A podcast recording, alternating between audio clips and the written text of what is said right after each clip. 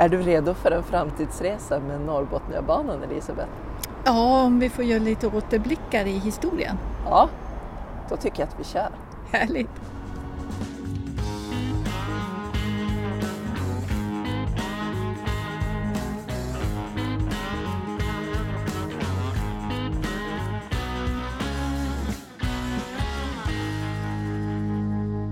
Hej och varmt välkomna till detta nionde poddavsnitt som är lite ovanligt.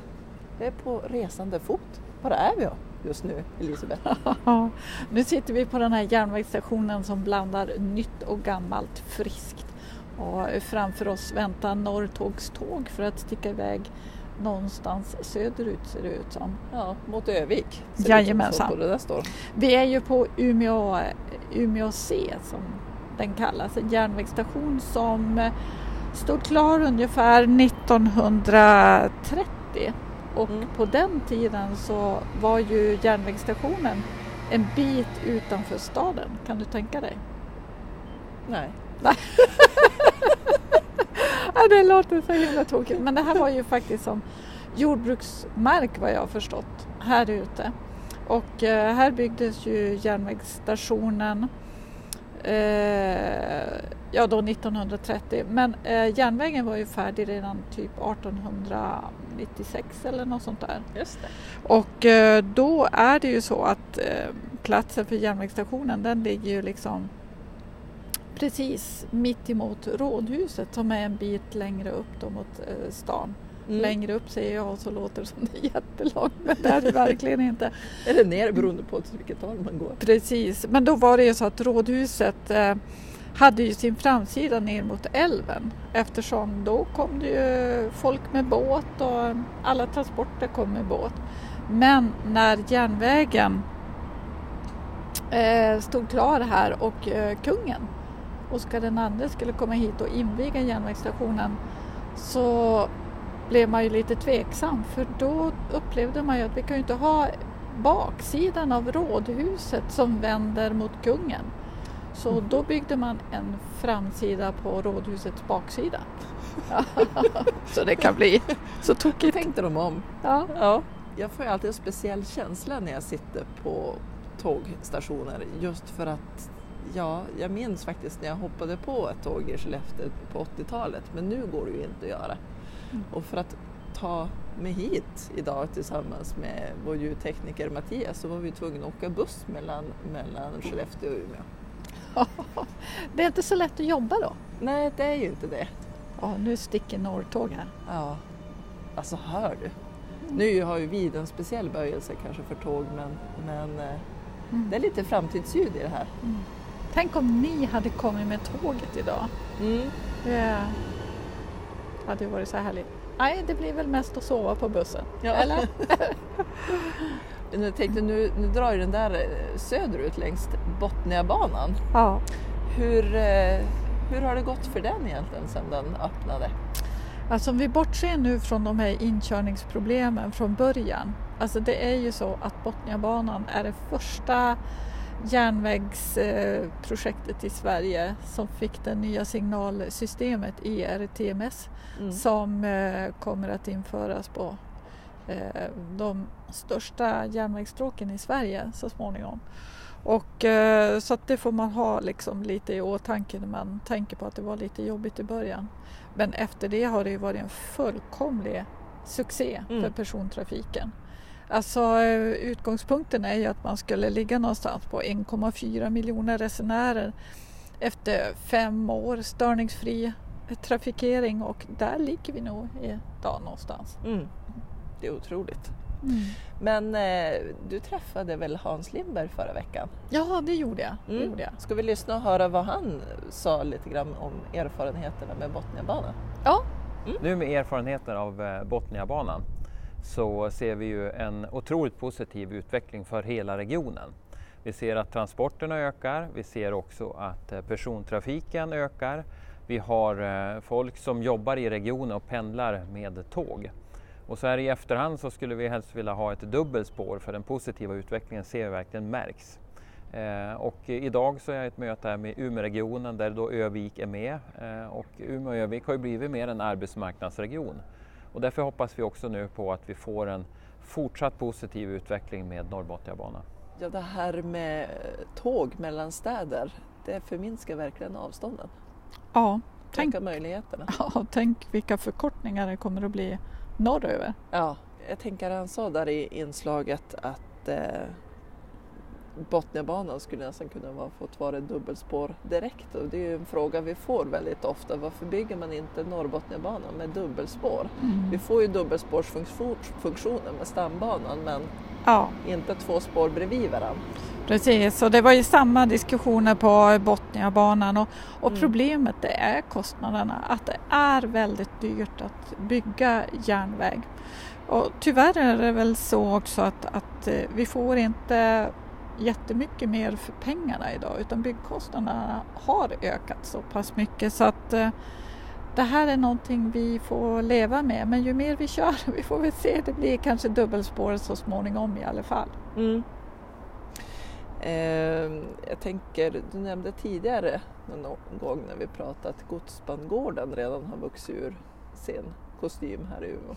Ja, den gamla godsbangården mm. som ligger, liksom låg här nere längs Umeå Cs förlängning.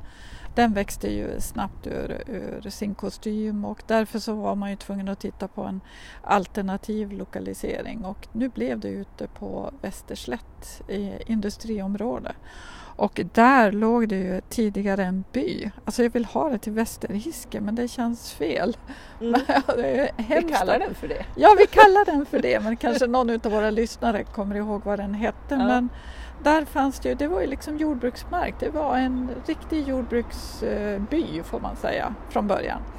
Men den har ju redan när, när godsbangården skulle anläggas så var det ju bara ett antal gårdar och hus kvar där och de har ju fått lämna plats till den nya stora godsbangården och mm. eh, NLC-terminalen. Det är som både och. Eh, så där etableras ju nya företag som Hans sa. Ja. Eh, vad, vad, sa han riktigt om, om framtiden norrut om Norrbotniabanan? kanske vi ska ta och lyssna på. Med Norrbotniabanan kommer vi att kunna knyta ihop den norrländska kusten och det är ju en förutsättning för att vi ska klara av de kompetensförsörjningsbehov som vi har. Eh, vi har ju starka etableringar i den norra delen av eh, Sverige. Eh, vi har Northvolt i Skellefteå, vi har Komatsu Forest här i Umeå. Allt det här kräver att vi måste transportera mer gods och mer persontrafik och Förhoppningen vi ser nu med Norrbotniabanan att vi knyter ihop våra städer på ett eh, bra sätt som, som vi har sett har varit otroligt lyckosam i, i Botniabanan, att vi ser en otroligt positiv näringslivsutveckling. Just ordet kompetensförsörjning kom, tror jag kommer att vara det mest använda ordet eh, åren framöver här. Ja, det kommer vi få höra i parti och minut. Ja, precis. Det är, det är verkligen en utmaning. Men eh, alla de här människorna som ska börja jobba och bo och leva här mm.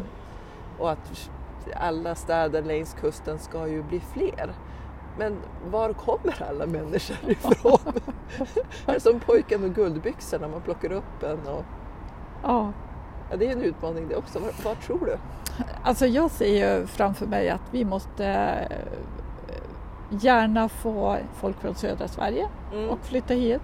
Men också de ungdomar som har flyttat härifrån för att studera och se världen. Vi ska ju hälsa dem välkomna tillbaka för de kommer ju att behövas nu. Mm. Och eh, med tanke på då allt det nya, vad är det, 5000 bostäder som ska byggas i Skellefteå fram till mm. 2030.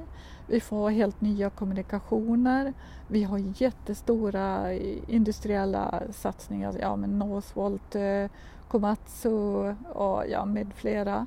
Så kommer de verkligen att behövas. Så ja. att eh, eh, ja, hjärtligt välkomna tillbaka säger jag. Vet du, jag är jättenyfiken på att få veta. Mm. Vi sitter ju här på tågstationen i Umeå. Ja. Eh, men exakt var kommer Norrbotniabanan att vara? Var är starten? För det är ju inte riktigt här va? Nej, och jag ska visa dig och jag måste erkänna att jag eh, hade tänkt fel. Men vi tar det. Vi tar det sen. Men vi, vi traskar tycker jag. Ja, det är bra.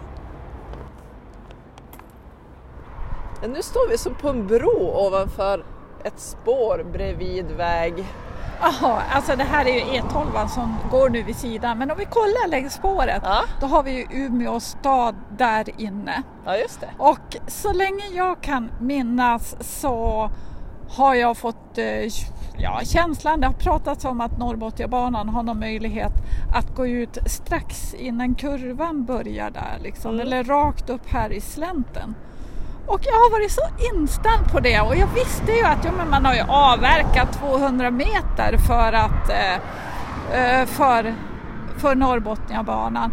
Men jag kunde liksom inte se härifrån, vart skulle det vara? Och det blir väldigt brant också i och med att det sluttar Ja, ner jag tänkte det är, ju något, det är ju något som man får i så fall öppna upp för Norrbotniabanan. Men vet du om vi vänder oss ja. om och tittar åt andra hållet, där Oh. där är ju det avverkat. Är det där den kommer att gå? Jajamensan, så där sticker den ju iväg.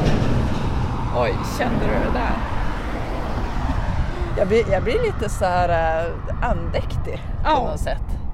Faktiskt. Det där är starten, vi står vid starten. Jajamensan. Jag tittade den 23 augusti var det ju invigning och första, eller invigning var det ju inte, det var första, första spadtaget för Norrbotniabanan. Ja. Var det längre bort längs den ja, här? Ja, precis. Det var på andra sidan, ganska nära Ersmark, Ersboda. Så att eh, där borta någonstans stod vi och hade det varmt och bra. Men ungefär den här, eh, det här eh, avverkningen här, det är ju ungefär samma sak som vi upplevde då när hela det här området, hela den nya godsbangården det var ju bara skog. Ja. Och jag minns en dag när vi skulle åka in till stan och så hade de avverkat eh, liksom några dagar tidigare hela området. Man bara hisnade liksom över att oj, nu blir det stora, stora förändringar. Ja. Och det, utseendet förändras ju så otroligt mycket vid sådana här avverkningar. Men avverkningen här längst upp längs eh, Norrbotniabanans tänkta sträckning. Mm. Eh, där har det varit lite skjutfält och lite... Ja, just det. Li, lite det har ju varit komplikationer. Ja, ja, precis. Alltså grejen är ju då att det har ju varit militärens skjutfält. Ja. Heter det I20 i Umeå? Ja, kanske det.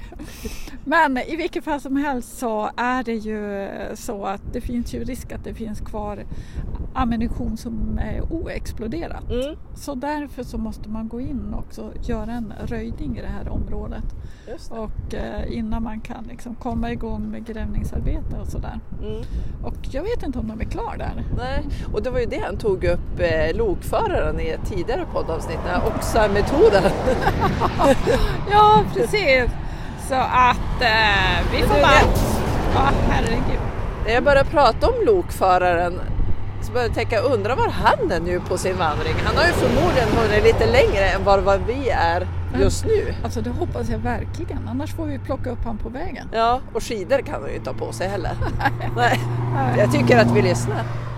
Kära dagbok, idag är det 33 dagar sedan jag lämnade Umeå.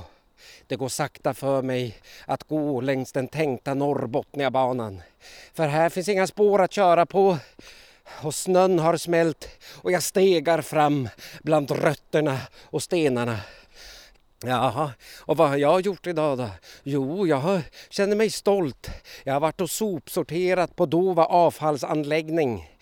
Jag bidrar med fjärrvärme. Så det är tack vare mig sockorna blir varma på elementet. Jag lämnade en ketchupflaska, korvpapper och tio kilo gammal valla. Ah, det har varit fruktansvärt bakhalt här medan snön har smält och det har varit kalla nätter så det har varit glashalt. Och jag har lämnat skidorna vid vägen för upphämtning av Eva och Elisabeth. Går inte att missa med stinspaden fastbunden i toppen. Men nu, vet ni, nu är jag på historisk mark. Ja, jag säger bara ryssen. Ryssen som gjorde att dagens järnväg inte byggdes längs kusten utan ett par kanonlängder inåt landet. Bara på grund av skräcken för ryssen och det var alltså här, precis där jag befinner mig, som slaget vid Sävar stod 1809, 19 augusti. Ja, ni hörde rätt. Det sista avgörande slaget i det finska kriget som utkämpades mellan svenska och ryska styrkor. Tyst! Jag tyckte jag hörde fotsteg. Ah, eller så, eller så var det... Jo, det var det. Åh, herregud. Får du, får du jaga upp mig på det här sättet? Följande har hänt. Svenska trupperna gör halt i Sävar i tron att ryssen befinner sig i Umeå.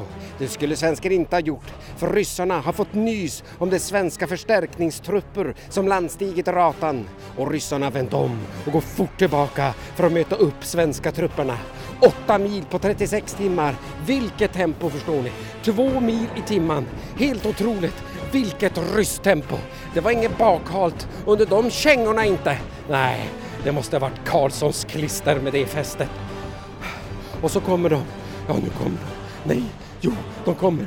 Historiens vingslag eller ett blodsockerfall eller vad är det jag ser?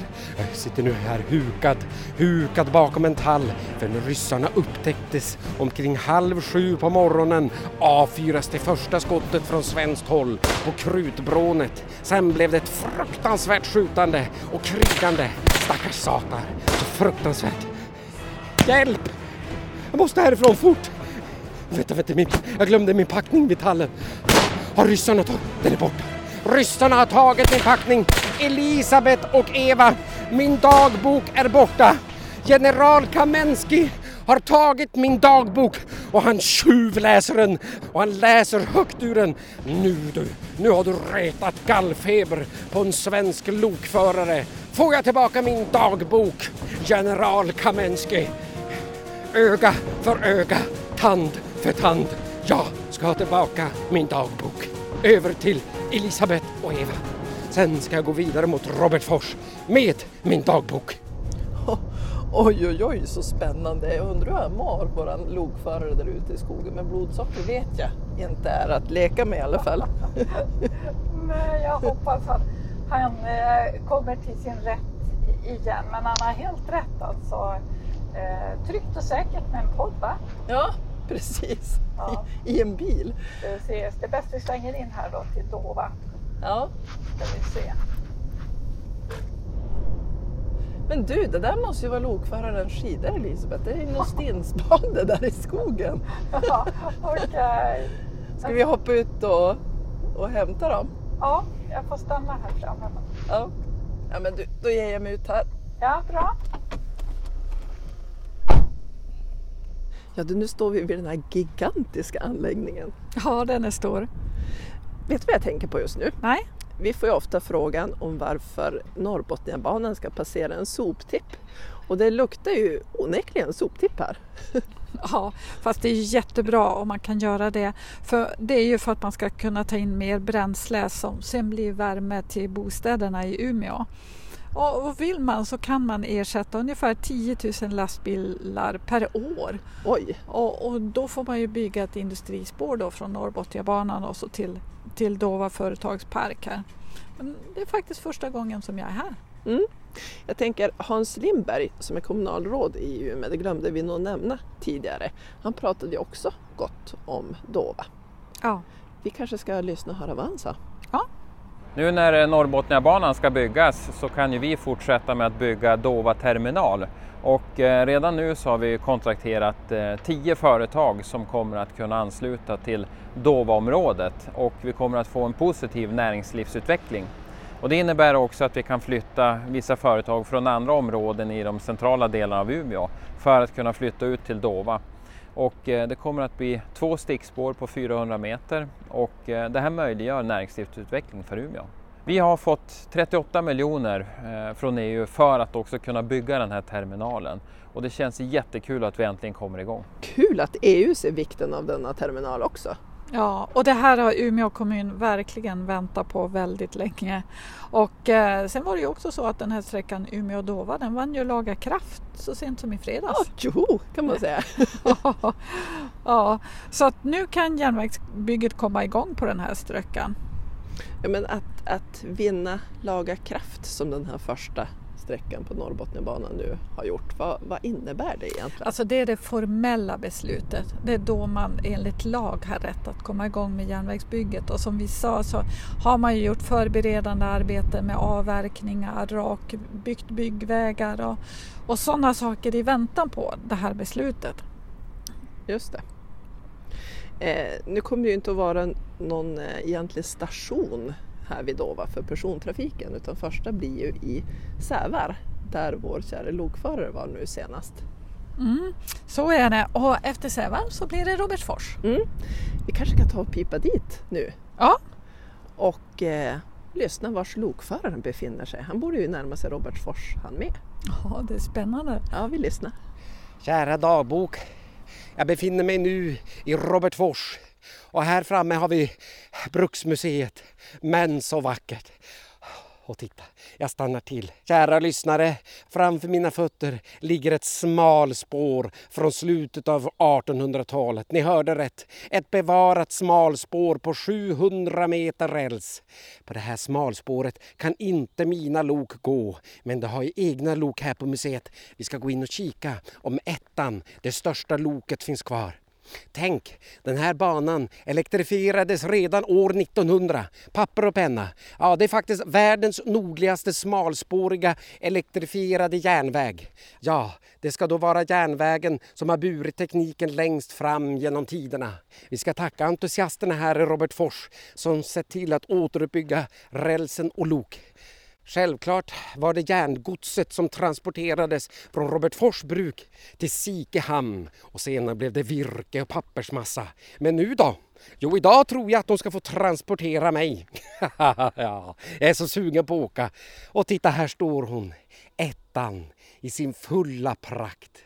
Kära lyssnare, jag längtar att få höra brummet av magnetbromsen som dessvärre kunde slå ifrån om det fanns dagg på spåret. Jag måste bara dubbelkolla om det är daggfritt på spåret.